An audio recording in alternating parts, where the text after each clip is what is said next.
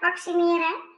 Ehm, en dat wilde ik ook nog even naar aanleiding van jouw inleiding wel nog benoemen waarom ik het ook fijn vind om hier aan mee te werken voor mezelf is. Omdat ik het idee heb dat nu ook ongevaccineerden worden weggezet als het lager milieu of uh, de complotdenkers, de wappies, et cetera. Terwijl ik denk, ja, voor, voor mij helemaal niet, want ik ben ook niet tegen. Ik ben blij dat het er is voor mensen die wel kwetsbaar zijn. Mij, ik heb heel lang eigenlijk getwijfeld.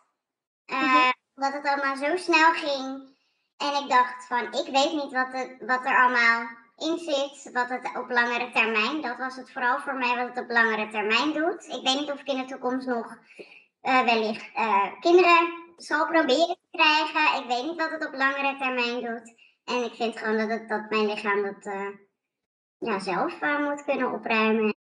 En op het moment dat hè, mensen zeggen, jij doet het toch voor een ander? Nee, ik vind dat ik spuit het in mijn lichaam. Dus dan zou ik het voor mezelf doen. En ik heb voor zover ik weet geen onderliggend lijden of een verzwakt immuunsysteem. Want dan had ik het waarschijnlijk wel gedaan.